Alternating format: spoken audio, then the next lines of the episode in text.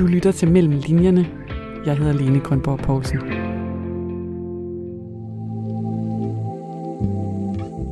Den her fortælling, så har børnene jo været vidner til det her, og det har sat nogle alvorlige ar i deres øh, liv. Et hjem bør være det sted, hvor du er allermest tryg. Men for nogen kan hjemmets fire vægge være en hemmelig krigszone, som ingen andre kender til. Jeg fik lyst til at skrive det frem. Altså det er ikke som på film ellers, hvis der er en kvinde, der får en lussing med flad hånd, eller bliver skubbet lidt, eller sådan et eller andet. Det kan godt være meget, meget voldsomt. Forfatter Rakel Røst skriver i romanen Pyntesmil om, hvordan vold i hjemmet kan være meget under, end vi kan forestille os i vores værste fantasi. Men især den ene kvinde fortalte øh, om meget grov vold, og det begyndte jeg at researche på, den grove vold. Øh, og det er faktisk rigtig, rigtig mange kvinder, der er udsat for det. Rakel Røst har lavet en omfattende research og interviewet flere voldsramte kvinder for at forstå, hvad det er for nogle reaktionsmønstre, der opstår, når kvinder bliver udsat for vold i hjemmet, og hvad det betyder for børnene. Begge har jo haft børn, som har overværet, at mor er blevet slået. Det er ikke foregået i hemmelighed. Øhm, og det har begge mødre jo været enormt knust over. Den ene begyndte at græde, da hun skulle fortælle om, at barnet ligesom havde oplevet det. Derudover har Rakel også trukket på egne erfaringer med, hvordan volden kan ramme hurtigere, end man aner. Kommer han mod mig, og så knaldede han mig ind på låget. Så jeg får gennem øh, stuen og landede i noget legetøj, og altså, det var bare noget råd. Velkommen til Mellem Linjerne, programmet her på Radio 4, der handler om forfatteres research og arbejdsmetoder. Mit navn er Lene Grønborg Poulsen, og jeg er i dag vikar for programmets faste vært, Karoline Kjær Hansen, som er på velfortjent sommerferie.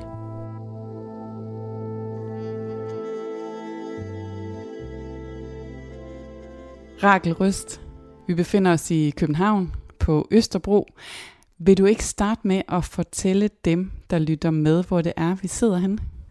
Ja, men vi sidder på Ydre Østerbro i min lejlighed, hvor der er masser af bøger og et par planter, der kæmper for at overleve, og snoet lys og uldtæpper og sådan noget. Og vi sidder sådan næsten i en kanap her med udsigt ud til vejen. Og det der med at have et sted at høre til, det er også noget, der er vigtigt for hovedkarakteren Gry i din bog Pyntesmil. Hun leder efter, kan man måske sige, en ro i sit liv, og på et tidspunkt i bogen, der sidder hun faktisk midt i det larmende København og er fuldstændig overvældet af sanseindtryk og tænker, den støjende verden skal lade mig være i fred.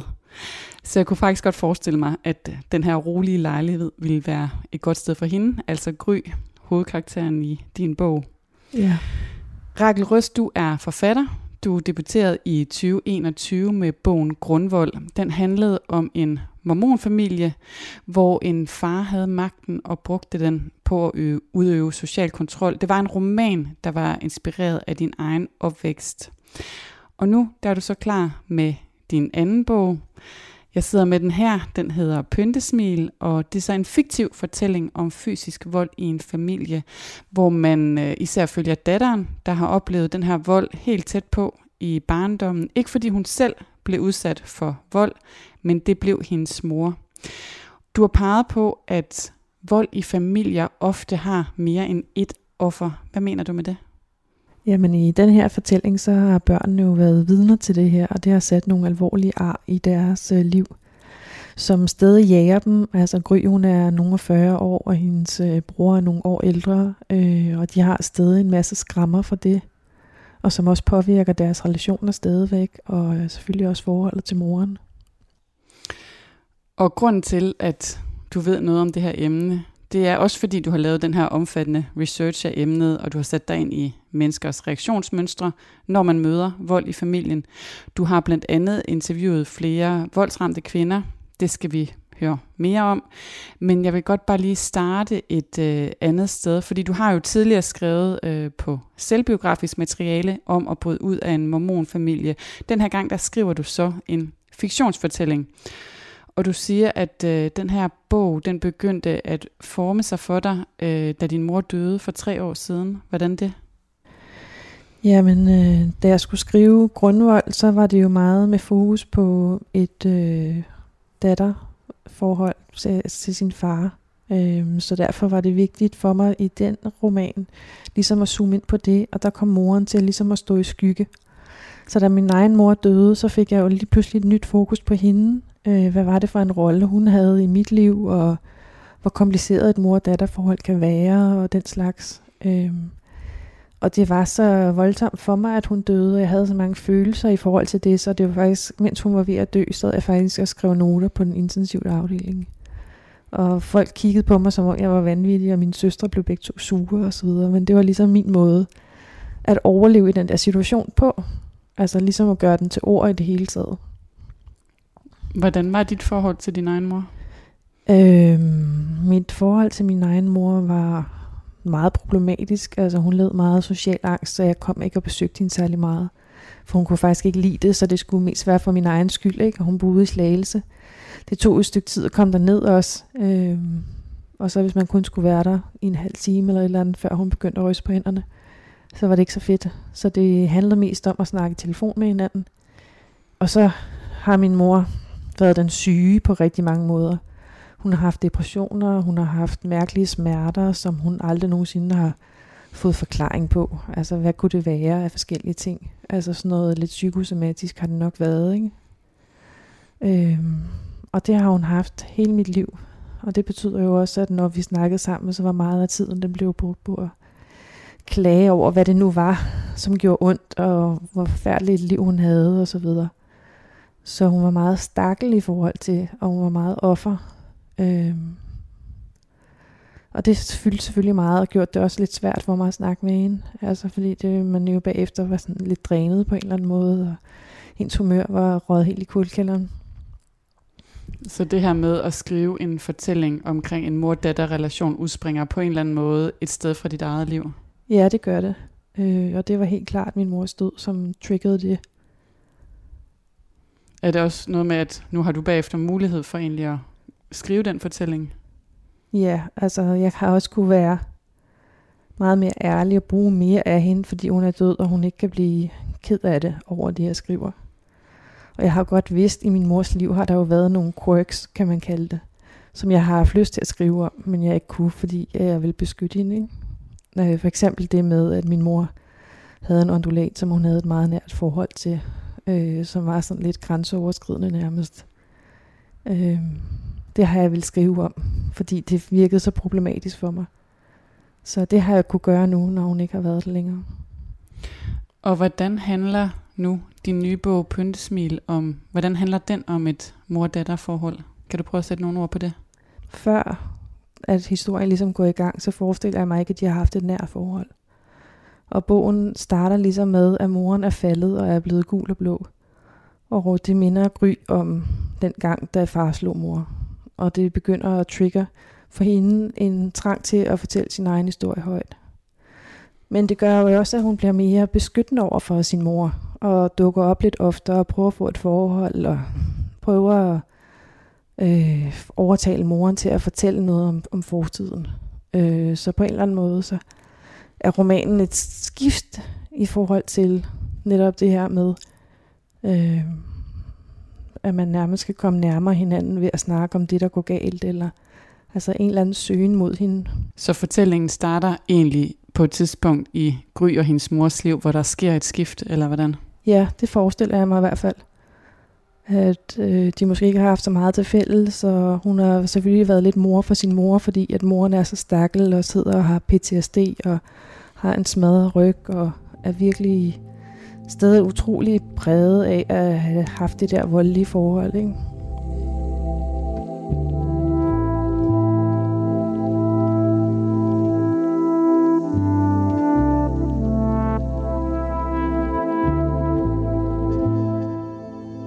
I forbindelse med at skrive den her bog, Pyntesmil, øh, der har du haft brug for at undersøge emnet nærmere. Du har interviewet flere kvinder, som har været udsat for vold. Hvorfor har det været nødvendigt for dig at lave det her researcharbejde? Øhm, jeg synes, at researcharbejde er utrolig vigtigt, og det gjorde jeg også i grundvold, da jeg skulle skrive den, selvom jeg jo selv har oplevet at vokse op som i en mormonfamilie og at hovedpersonen ligger meget op af den skikkelse, jeg selv ligesom var, så øh, var jeg jo på det kongelige bibliotek og læste mormonhåndbøger tilbage i fra 1980'erne. Øh, for ligesom at få et klart blik på, hvad er det for en historie, jeg fortæller, hvad er rammen og så videre. Øh, så derfor var det blevet allerede en måde, jeg kunne øh, ligesom få noget frisk stof på og komme hele vejen rundt om et emne. Så det vil jeg selvfølgelig gerne gøre igen. Og i Grundvold var du øh, også i London og øh, ligesom øh, deltage i Mormonkirken der, fordi du ikke kunne gøre det øh, i Danmark, er det ikke rigtigt? Jo, der tog jeg over og lod som om jeg var mormon for ligesom at få en almindelig mormon-oplevelse af, hvordan ville en søndag være, og det ville jeg ikke kunne gøre i Danmark, fordi der er så mange, der kender mig, og tænker jeg, at det de kalder en anti-mormon, som er det værste, man kan være, ikke? Sådan en, der taler mod kirken, altså. Så, så det var noget research, jeg havde gjort der, og den research i det hele taget, som var på rigtig mange forskellige planer, den blev jeg bare så begejstret for. Det føles også lidt som at lege detektiv. Ja, hvad oplevede du, det kunne? Mm, altså, der, ens subjektive opfattelse kan jo godt være meget begrænset på en eller anden måde. Jeg synes altid, at når man spørger rundt omkring sig, hvis man virkelig åbner sig op, så kommer der noget nyt til en, øh, som er overraskende og som, som giver nogle ekstra nuancer til stoffet på en eller anden måde. Og i arbejdet med Pyntesmil, der har du så interviewet øh, de her kvinder, som øh, har været udsat for, for vold på, på forskellige måder. Altså, hvad gav det øh, arbejde der i forhold til at få, få skrevet den her fortælling? Jamen, øh, begge kvinder, som jeg interviewet, havde børn for det første. Og jeg vil gerne komme meget med det her med barnets perspektiv på, at mor bliver slået. Og begge har jo haft børn, som har overværet, at mor er blevet slået. Det er ikke foregået i hemmelighed. Øhm, og det har begge mødre jo været enormt knust over. Den ene begyndte at græde, da hun skulle fortælle om, at barnet ligesom havde oplevet det. Øhm, men især den ene kvinde fortalte øh, om meget grov vold. Og det begyndte jeg at researche på, den grove vold. Øh, og det er faktisk rigtig, rigtig mange kvinder, der er udsat for det. Og det hører man og ser ikke så meget til, fordi man kan jo ikke lave sådan lange udpenslede voldscener på Netflix eller sådan noget, medmindre det foregår med et samurajsvær eller kunstig indvold eller et eller andet. Øhm, så jeg fik lyst til at skrive det frem.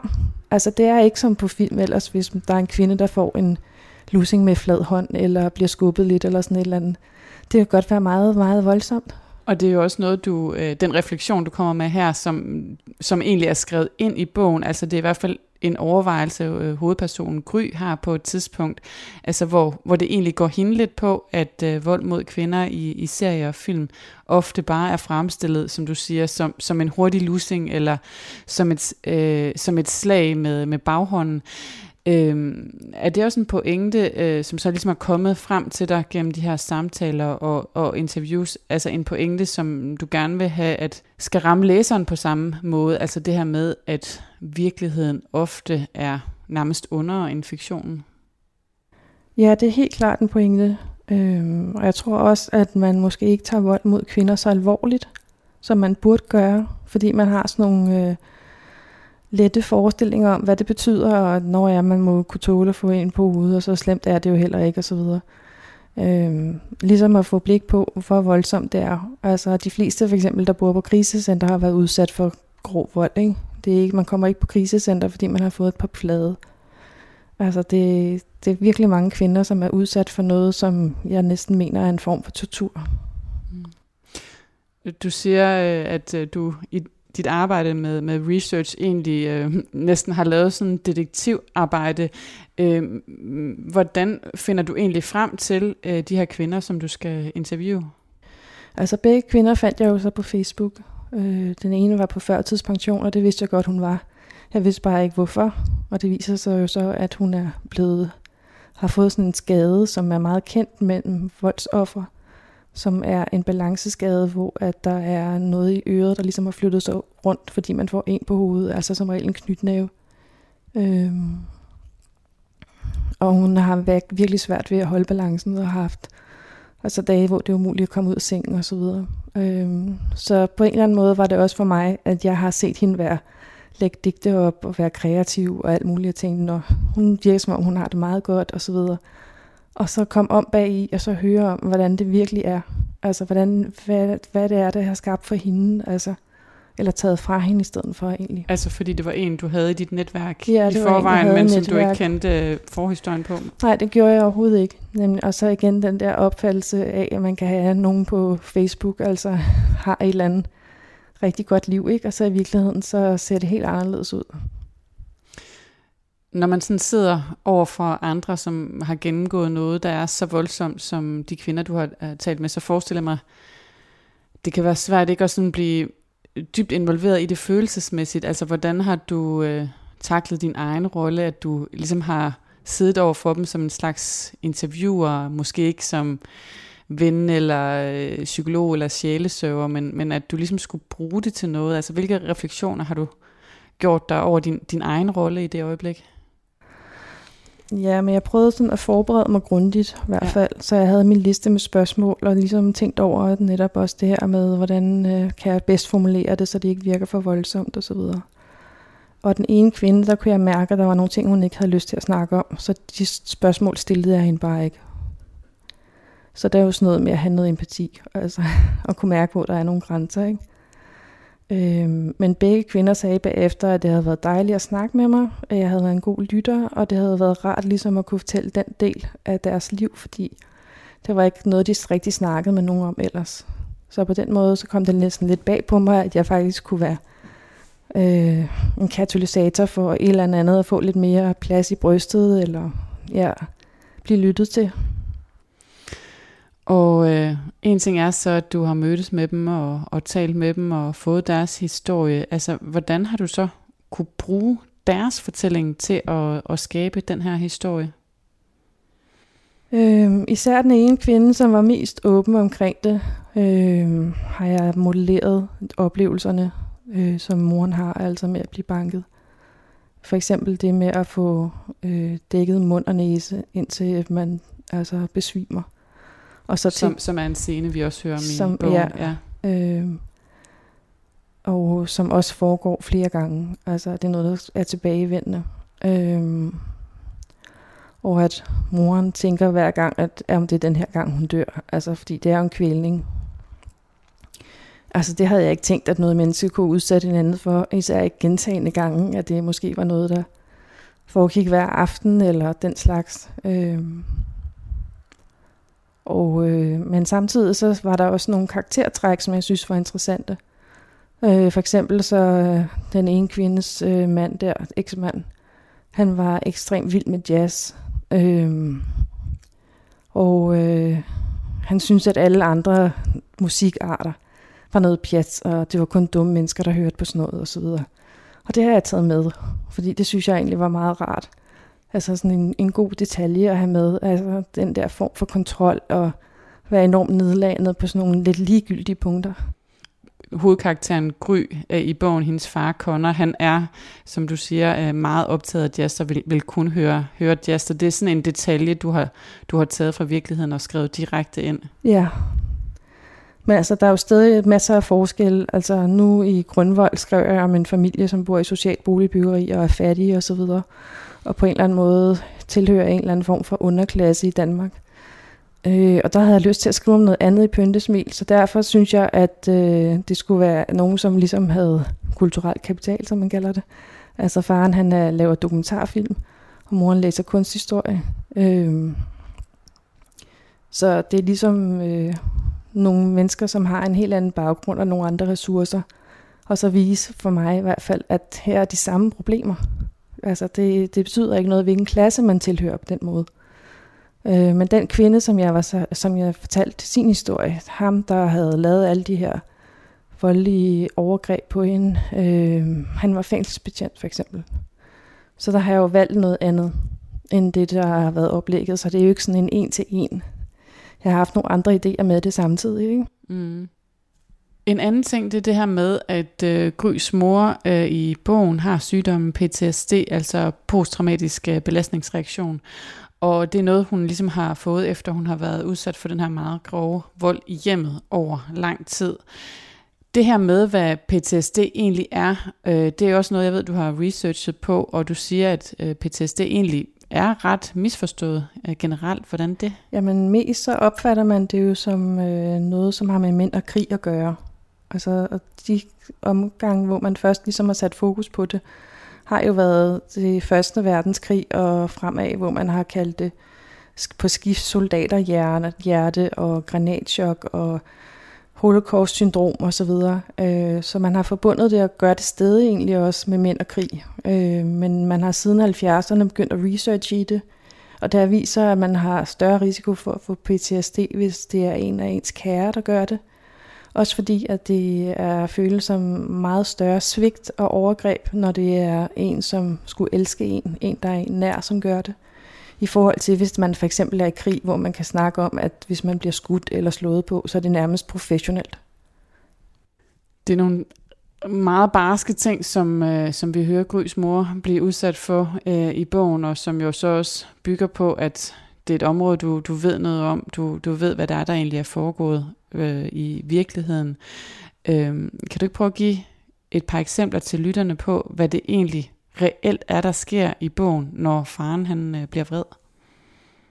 Øhm, ja, men altså, han river for eksempel en tot af hendes hår ud af hovedbunden, øhm, og er ekstremt aggressiv over det. Kommer tilbage efter at have hentet cigaretter og synes, at alt er okay igen, og kysser hende og siger undskyld.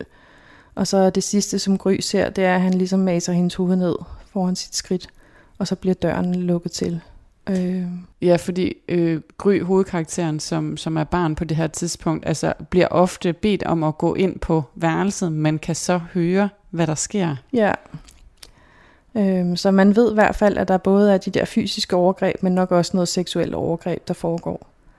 Øh, og så er det jo for eksempel det der med at blive kvalt. Det er også at blive banket med et askebager og få proppet skåret i munden. Så der foregår virkelig mange forskellige ting, øh, som jeg også har researchet mig til, altså kvælning og, og, og bruge et, et eller andet redskab til at blive banket med, og alt sådan noget, det er alt for almindeligt. Og på den måde så øhm, er, hvad kan man sige, den synsvinkel, der er i bogen, jo barnets synsvinkel vi, vi får ikke altid hele historien om, hvad der sker, men øh, vi kommer med Gry ind på værelset, hvor hun har en bamse, eller har, har storebroren, hun ligesom kan søge øh, tryghed i, og det, det er næsten lige inden, at, at det, det er endnu voldsommere at, at, at være derinde og ikke helt vide, hvad der foregår. Øh, ja, det er helt klart også for den magtesløshed, som jeg forestiller mig, at hun har haft, ikke? Øh, og som min storebror også har haft. Altså, de kan ikke blande sig, de kan ikke gøre noget som helst, de er bare svage små børn. Øhm, og jeg har også bygget det op på den måde, at nu er hun blevet øh, direktør for Psykiatriforeningen, og, øh, og siger, at hun altid har gået efter at være leder, og der er ikke nogen, der skal kontrollere hende, og nu er det hende, der skulle have noget, der skulle have sagt og sådan noget. Og det tænker jeg er en direkte konsekvens af at have stået der, og ikke have noget, der skulle have sagt overhovedet, at hun så har gået direkte efter den post.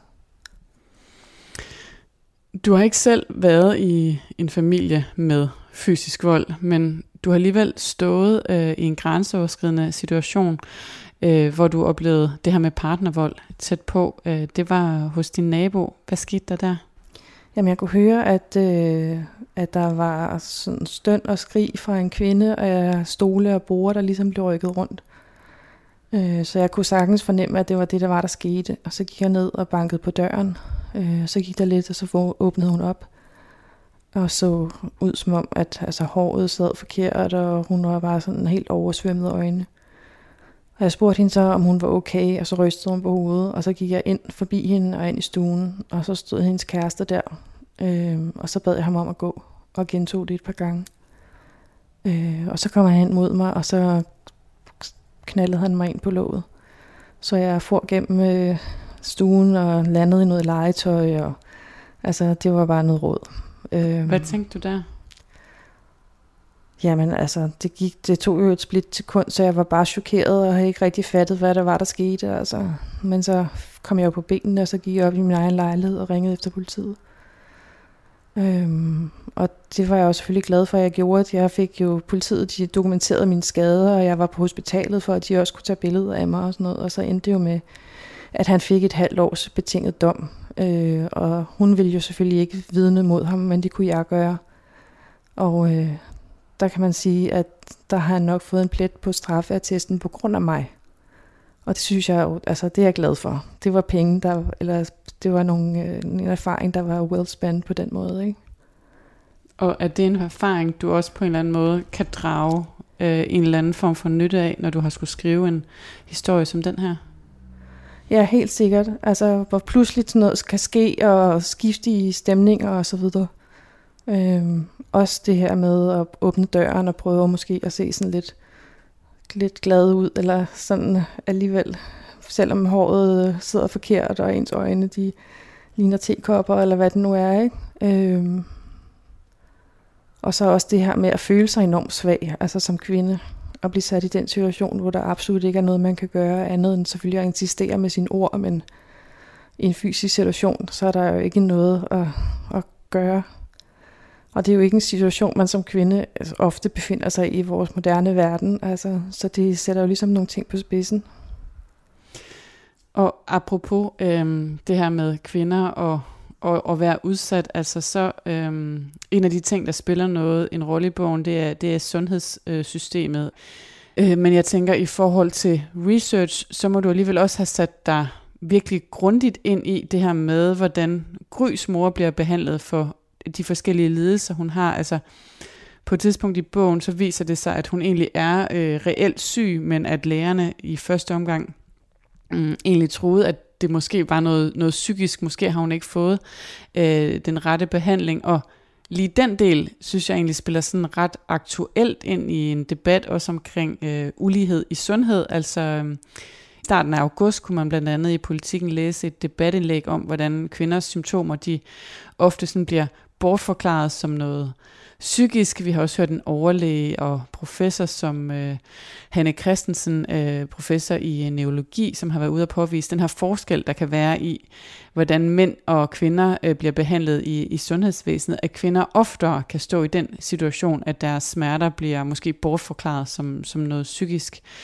Så jeg synes egentlig, at i bogen er det også en af de ting, der er rigtig hårde at læse, det her med, hvordan moren, Grys mor, som har været alle de her ting igennem, øh, så måske også, øh, man fornemmer det ligesom, øh, er endt i en fejlbehandling, fordi hendes øh, fysiske lidelser i starten sådan er blevet fejltolket lidt som, om det måske også bare noget, noget psykisk. Øh, så jeg kunne ikke lade mig at tænke på, at det er en debat, som du sådan bevidst eller, eller ubevidst også sådan lige har, har ville røre ved at få læseren til at øh, reflektere over.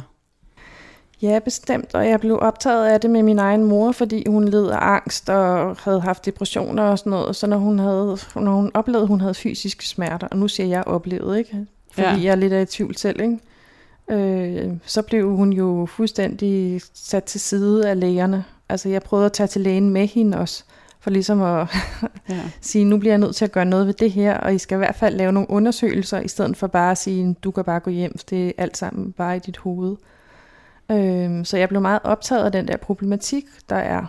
Altså hvis man først har fået skrevet ind i sin journal, at der har været nogle psykiske problemer, øh, så ender man hurtigt på den hylde. Altså så skal man ikke tage sig alvorligt på samme måde. Men var det også noget, du selv blev i tvivl om, altså når du sad med din mor? Ja, det, det, det gjorde jeg. Ja. Altså, Øhm, også fordi, at hendes smerter skiftede jo med årene, og hun fik mange smertestillende tabletter og så videre. Var det tvivl om, om det var et misbrug, eller hvordan det var i virkeligheden for hende, ikke? Ja, min far fik jo, at gav hende lommepenge for eksempel, da, da jeg stadig boede hjemme. Øhm, og der fik hendes helbred det jo meget bedre, for eksempel, når hun lige havde fået lommepenge, og hun kunne tage i Amagercenteret og købe noget ind og så videre. Så var der ligesom noget, der ligesom pegede på, at der var et psykisk element i det i hvert fald. Ikke? Som kunne være svært at gennemskue som pårørende. Ja, som kunne være rigtig svært at gennemskue, og måske også fra sundhedsvæsenet. Ikke? Og så tænkte jeg faktisk også, at når Tommy, hendes storebror, var blevet ortopædkirurg, og øh, øh, hvad hedder det, Gry, hun var blevet direktør for Psykiatriforeningen, at så var det ligesom deres forsøg på at reparere på mor. Altså, altså Tommy, der er i stand til at reparere knogler nu, og, og ligesom tage den praktiske del af siden. Og så Gry, som står for det mere psykiske. Ikke? Så jeg tænker i hvert fald, at de er blevet præget og har tænkt i den retning gennem deres liv, og har taget nogle valg ud fra det.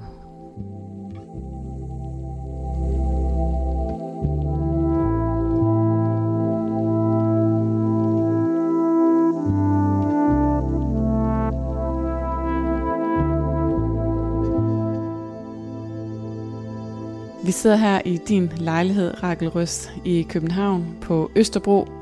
Det er samtidig det område af København, hvor vores hovedkarakter Gry i bogen Pyntesmil øh, bor. Det er din anden bog, som du udgiver her.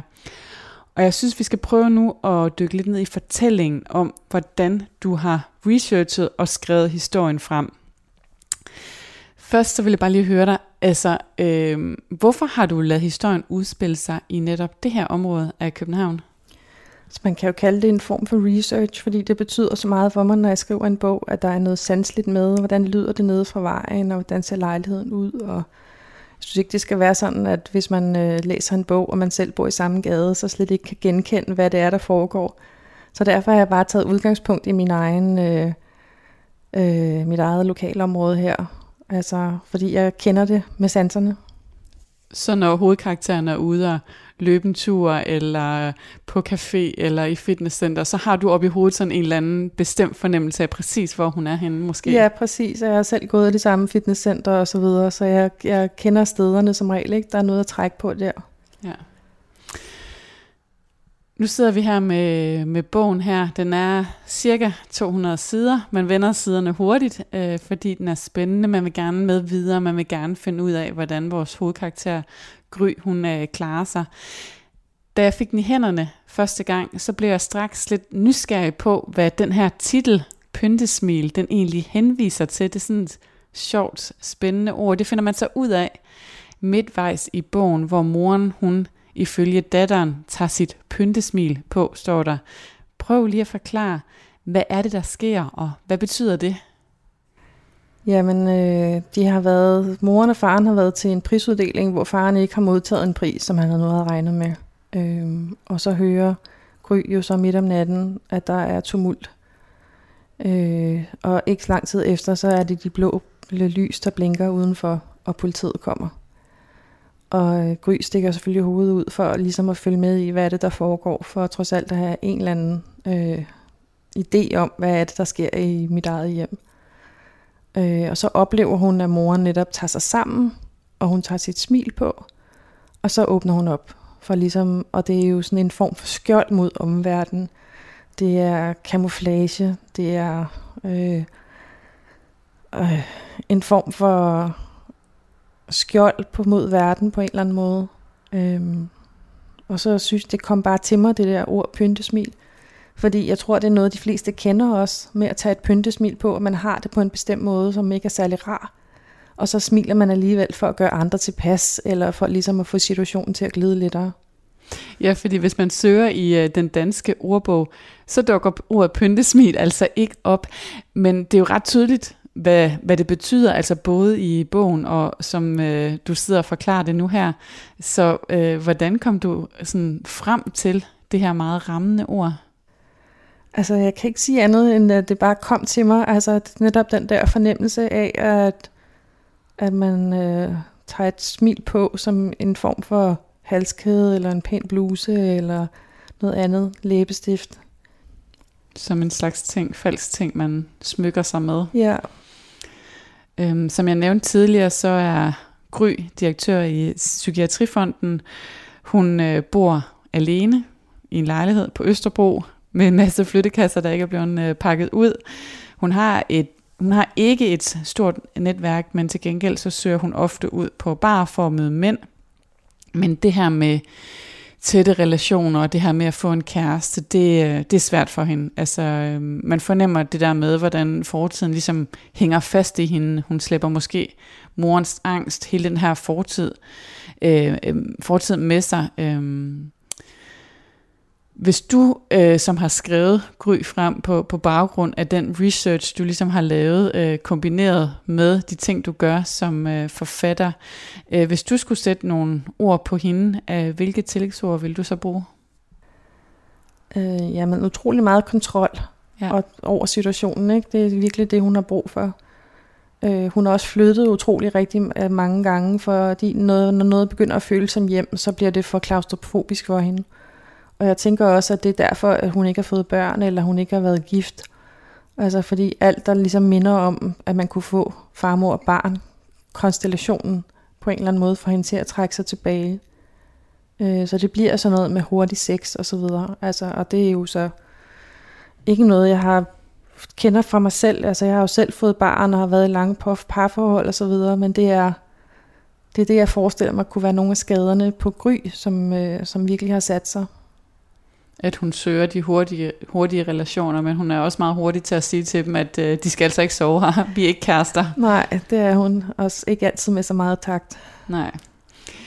Øhm, en af de øh, personer, som jo er ekstremt vigtig i bogen, men som vi jo ikke rigtig møder andet end en enkelt gang på en telefonopkald i, i nutiden, det er hendes far, Connor. Øhm, han er fra Australien, øh, og vi, vi møder ham blandt andet også i øh, et flashback, hvor der ligesom bliver antydet et, øh, et skævt forhold mellem, mellem ham og, og farmoren. Øhm, og det er ligesom om, at øh, hun har magten over ham på en eller anden måde. Han bliver den lille i, i det forhold. Og jeg fornemmer sådan en eller anden antydning af, at der også er en grund til, at han er, som han er. Altså du åbner ligesom op for, at her, her er også en historie i faren, som, som vi kun i sådan en, en brøkdel får et glimt af. Altså hvorfor har det været vigtigt for dig alligevel at give os det lille glimt ind i, hvem han også er? Ja, men jeg tror jo, at mange voldsmænd alligevel har deres egen historie, og det er jo også altså tit, hvis man selv har været udsat for vold, at man så reproducerer det. Og Connor, han tænker jeg ikke er blevet udsat for vold, men moren er meget grænseoverskridende øh, og nedladende og taler grimt om ham på forskellige måder. Øh, og han kommer ned i sådan en babyrolle. Øh, og så var det også vigtigt for mig, at, at det var hans mor, Connors mor, der ligesom stod for den her øh, mobning nærmest af ham. Øh, fordi at jeg ikke havde lyst til at skrive en bog, hvor mænd er onde, og kvinder er gode. Altså der er sådan en, en idé om, at øh, der er nogen, der siger, at hvis kvinder bestemte, så vil der ikke være nogen krig. altså det synes jeg er helt latterlig udtalelse. Fordi selvfølgelig kan kvinder også være onde og grænseoverskridende og forfærdelige og alt sådan noget. Så det her altså også for at skabe en eller anden form for, for nærmest lighed, at jeg havde brug for at, at, at skrive sådan en kvinde frem. Gry kommer også på et tidspunkt til at sige, at øh, hun elsker ham, hun elsker sin far. Øh, det gør hun i forbindelse med en dokumentarfilm, som hun deltager i, men hun fortryder igen nærmest med det samme, efter hun har sagt det. Hun synes, det skal han alligevel ikke høre, at hun har sagt det. Hun vil faktisk ikke helt stå, stå ved det. Øhm, så der er den her kompleksitet på spil i, i familien. Hvordan ser du den kompleksitet? Ja, men altså, jeg har også selv oplevet at have en far, som har været meget grænseoverskridende, og som har udøvet social kontrol, og så har der jo selvfølgelig ikke været fysisk vold i mit hjem. Men jeg har da været enormt hadsk over for min far, og så samtidig elsket ham. Og de to følelser kan ligesom sammen eksistere. Og i bogen, der er Connor jo også meget charmerende, og har styr på livet, og kan være meget udadvendt og tiltrækkende, men så er der den der side også, hvor han er så brutal. Men man kan jo sagtens dele det op åbenbart. Altså man kan elske de gode sider alene. Ikke? Øhm, så det var for ligesom at, at skrive det frem. Altså fordi man har jo, man er jo god til at lave bokse ind i sig selv, øh, hvor ting kan samme eksistere. Så man egentlig kan rumme begge dele? Ja, bestemt. Ja når du skriver en bog som den her fiktionshistorie, der selvfølgelig på den ene side bygger på en stor mængde research, som du har lavet, øh, kan du så ikke prøve at sætte nogle ord på, hvordan du skriver det ind i bogen, så det bliver en del af fortællingen, altså så det ikke bare bliver nogle faktaafsnit, men på en eller anden måde indgår naturligt i handlingen? Altså jeg har jo alle mine research-dokumenter, hvor jeg skriver tingene ned, øhm, og så ligger de ligesom og lærer et stykke tid hvor jeg går rundt og tænker over, hvad er det, jeg kan bruge af det, og så videre. Og så skriver jeg det ind, og som regel kommer jeg til også at skrive for meget ind. Noget, der minder lidt om en lille fagbog et eller andet sted, et afsnit, som er for tungt, eller sådan noget. Øh, og det ryger så i redigeringen, og så kan jeg jo enten prøve at få de der facts til at give mening et andet sted, men som regel kan de også bare skrottes. Altså. Øh, men jeg elsker det punkt, hvor man kan mærke, at researchen ligesom får liv, at den bliver bare til en lille undertekst, eller sådan noget lignende for eksempel. Um, Hvornår opstår det punkt? Øhm, jamen det handler om at gå nogle lange ture, og så, og så få lov til at tænke det igennem, altså, øhm, og det handler mest om, hvordan nogle karakterer reagerer på den research på en eller anden måde. Ja. Det skal leve gennem en karakter, og hvis det ikke gør det, så bliver det for fladt eller for tungt. Hvordan arbejder du så med, med materialet? Altså laver du den her research først, og så begynder du at skrive på baggrund af det, eller starter du med at skrive, og så finder du ud af, hvor du har huller, og så går ud og finder øh, viden om det område, eller, eller hvordan er den proces for dig? Øhm, ja, men jeg prøver at planlægge bogen først, ja. øh, og skriver sådan en lang liste over, hvilke nogle kapitler, jeg gerne vil have med. Og så kan jeg som regel se, hvor jeg har brug for at researche. Øhm, og så samtidig begynder jeg at skrive et idédokument med små bitte fragmenter og nogle sætninger og et afsnit og så videre, som jeg godt kunne tænke mig måske at arbejde ind i det. Så det starter sådan meget åbent, kan man sige. Og så idédokumentet kan jo fødes videre ind i en tekst for eksempel. Og researchen, den kan underbygge nogle karakterer, eller skabe et eller andet nyt i plottet, for eksempel, som jeg ikke havde regnet med, der skulle ske. Det er jo også interessant, når det sker. Er det sket i den her omgang? Ja, bestemt. Ja, hvordan det? det? Øhm, jamen, jeg havde for eksempel ikke regnet med, at øh, vi skulle til Australien. så det kom bag på mig, men der kunne jeg mærke, at vi ligesom manglede øh, en dimension til Connor. Øhm, så der skulle jeg jo også researche noget, hvordan er det i Melbourne, og hvilke nogle fugle er der der, og hvad er der med den strand, de går på hvordan ser sandet ud der, og så videre. Altså alle mulige skøre ting, som man bliver nødt til at researche på, for ligesom at, at få det rigtige billede. Hvad spiser de til aftensmad? Alle sådan nogle ting. Ja. ja. Du øh, udkom med din debutroman Grundvold i 2021, og allerede her i 2022 er du klar med en ny roman. Det lyder også som om, at når den måde du fortæller, du arbejder på, at du en åben proces til trods alligevel har ret meget struktur på den, den måde, du ligesom arbejder med, med stoffet. Vil du sige, at du er en forfatter, der arbejder hurtigt, skriver hurtigt? Øhm, ja, nu er den heller ikke så lang, men så vil jeg også sige, at Grundvold blev rykket et halvt år nærmest på grund af corona. Ja. Så jeg har været i gang med bogen lidt længere tid, end bare det her lille halvandet år. Ikke? Øh, så det er jo nok to år, jeg har været i gang med den. Det synes jeg, det ikke er specielt hurtigt. Altså, så det tager ligesom den tid, som det tager. Øhm, men det er klart, at nogle gange sidder man bare fast et eller andet sted. Det kan være meget frustrerende, fordi så kan man jo nærmest ikke skrive videre et par sætninger alene. Altså, øhm, og det, så er der jo en eller anden lille knude, som man nu går rundt og prøver at binde op. Mm. Hvad, hvad kan du gøre for at binde den op? Jeg plejer at læse manus igennem mange gange, for ligesom at se, når nu er jeg nået her til, hvad sker der så? Altså om der ligesom kan være et eller andet spring i det, ud fra den tekst, der findes allerede. Ikke? Eller også prøver jeg at researche lidt mere, altså for at se, om jeg i researchen kan få en god idé til et eller andet. Altså for eksempel så researcher jeg en del på PTSD og så videre. Og så kom jeg ind på et forum for voldsramte kvinder, hvor de snakkede med hinanden og snakkede om, hvordan lugte og øh, lyde og årstider og så videre kunne øh, trigger PTSD'en. Og at en kvinde for eksempel altid blev øh, blev ramt, når de spillede tamburin eller et eller andet, fordi at øh, hun havde fået så mange slag med en tamburin på et tidspunkt.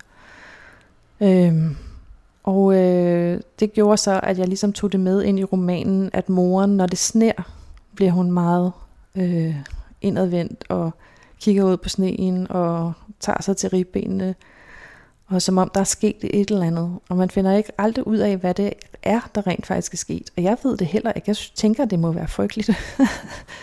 Fordi der er så mange ting øh, ellers, som hun har holdt ud. Ikke? Øhm, så det, det er blevet sådan en uhygge, og den er ligesom kommet frem af, at jeg bare har researchet lidt mere, og har rodet rundt på nogle fruer.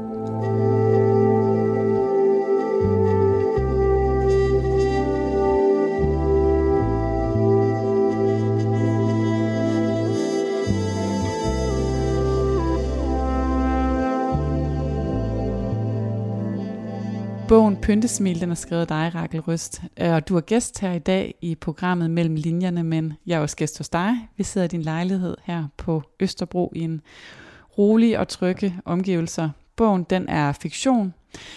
Det, som Gry, vores hovedkarakter, har oplevet i bogen, det har du ikke selv prøvet, men der er alligevel steder, hvor du har kunne trække på din egen erfaring, bruge dig selv som en slags research, øh, og det skal vi prøve at gå lidt mere ind i nu.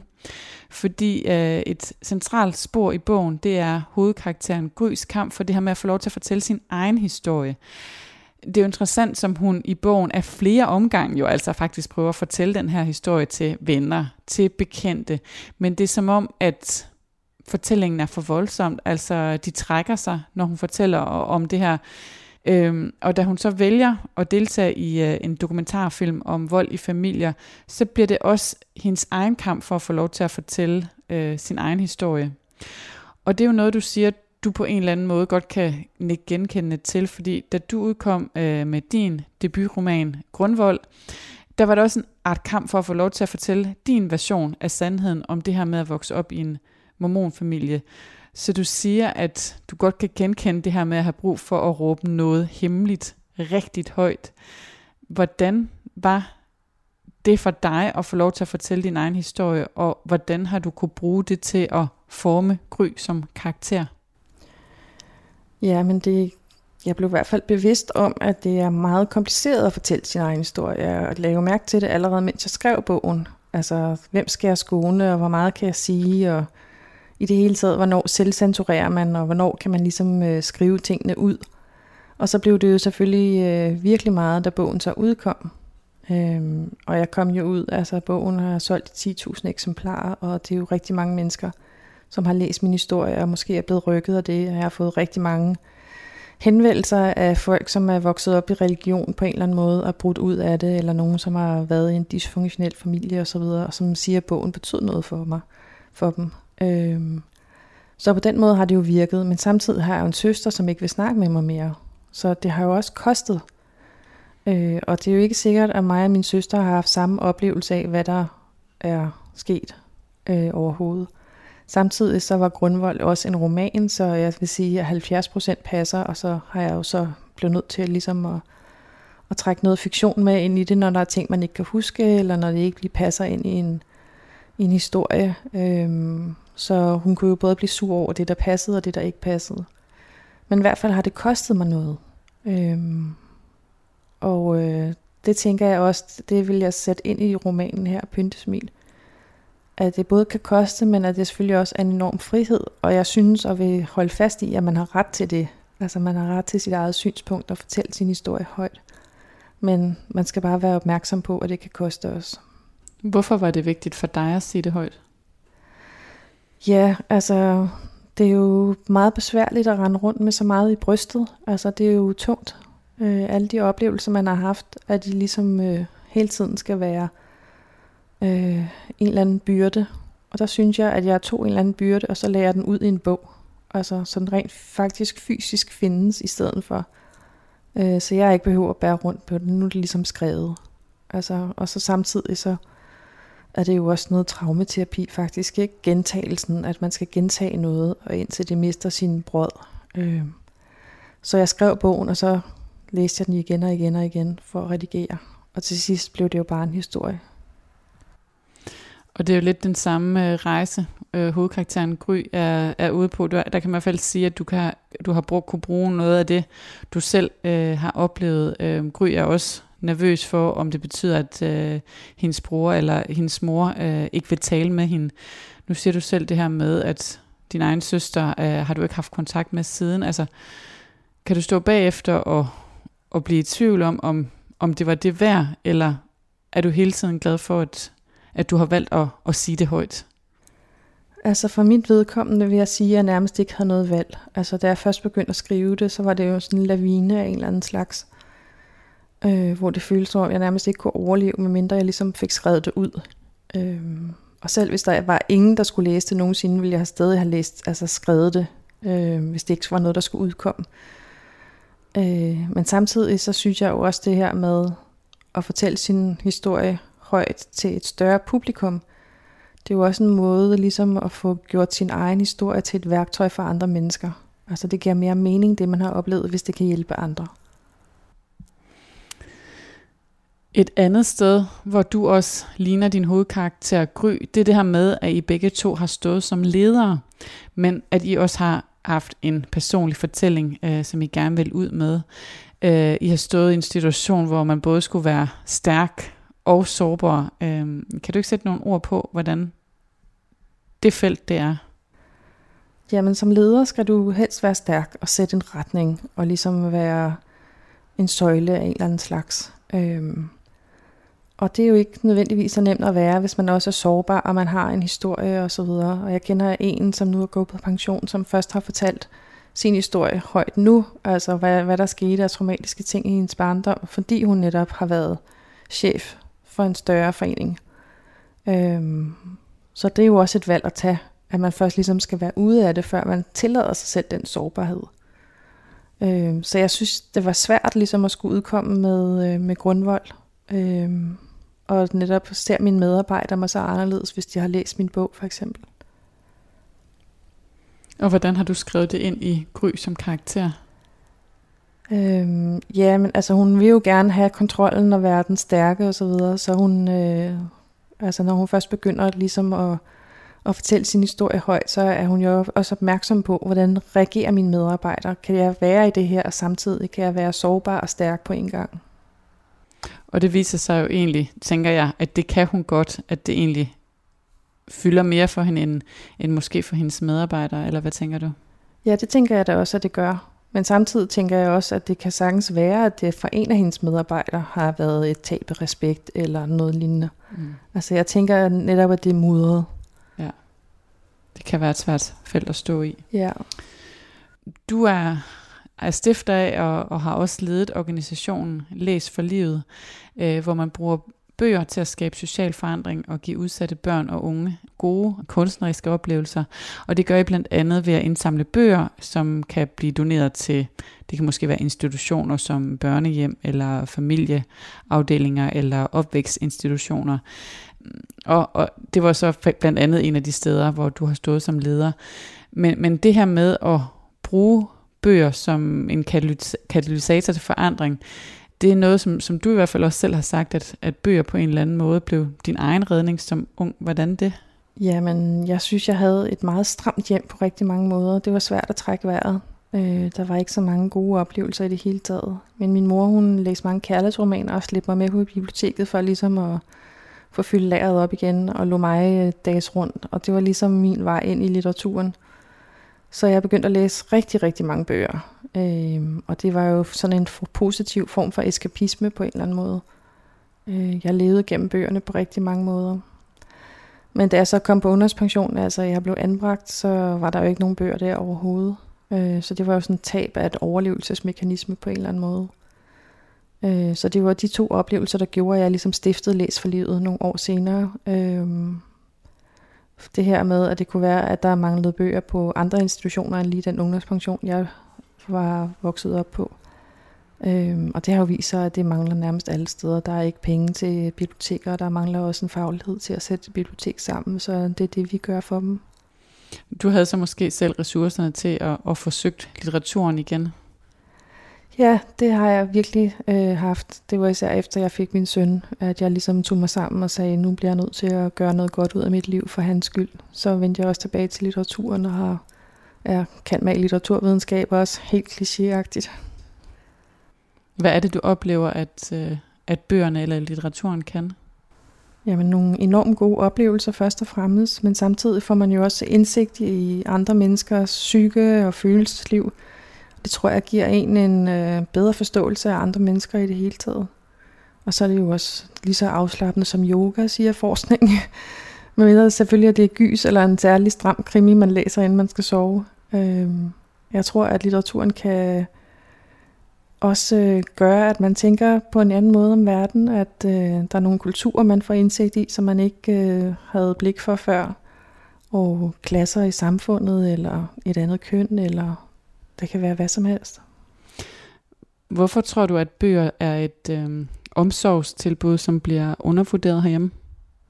Jeg tror, at øh, især socialpædagoger er meget ops på, at nu skal de have motion, og nu skal de have økologisk mad osv. men øh, de har ikke rigtig blik for, hvad litteraturen kan. Øh, der er nogen, der siger, at øh, børn skal skånes for bøger i fritiden, for eksempel, er vi stødt på. Pædagogerne har ikke børnelitteratur på, øh, på skemaet på pædagoguddannelsen. Så der er behov for, at der er nogen, der ligesom træder ind og skaber det rum for børnene og de unge, fordi vi kan ikke regne med, at pædagogerne selv gør det. Og nu udkommer din bog Pyntesmil, og den kan måske komme ud og stå blandt andre som en del af Læs for livet måske. Hvad håber du, at bogen kan give måske unge, som har prøvet at gå igennem noget af det samme? Jamen, den der spejling i en karakter, tror jeg, betyder rigtig meget, at man kan opleve, at der er nogen, der har, har erfaret det samme som en selv, selvom det bare er en fiktiv karakter.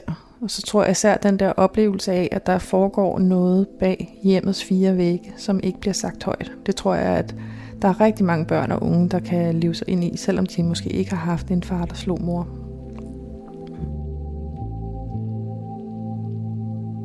Det blev alt det, som vi nåede i den her omgang. Rakel Røst, først et kæmpe stort tillykke med bogen, og så også tusind tak, fordi jeg måtte komme og besøge dig her, og tak fordi du ville være med i programmet. Tak fordi du kom.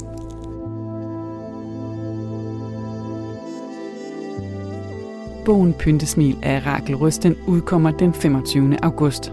Det er Rakels anden bog, og den første, som vi også nævnte kort her i programmet, den hedder Grundvold. Mit navn det er Lene Grundborg Poulsen, og jeg har været tilrettelægger og også din vært på programmet her i dag. Tak fordi du lyttede med.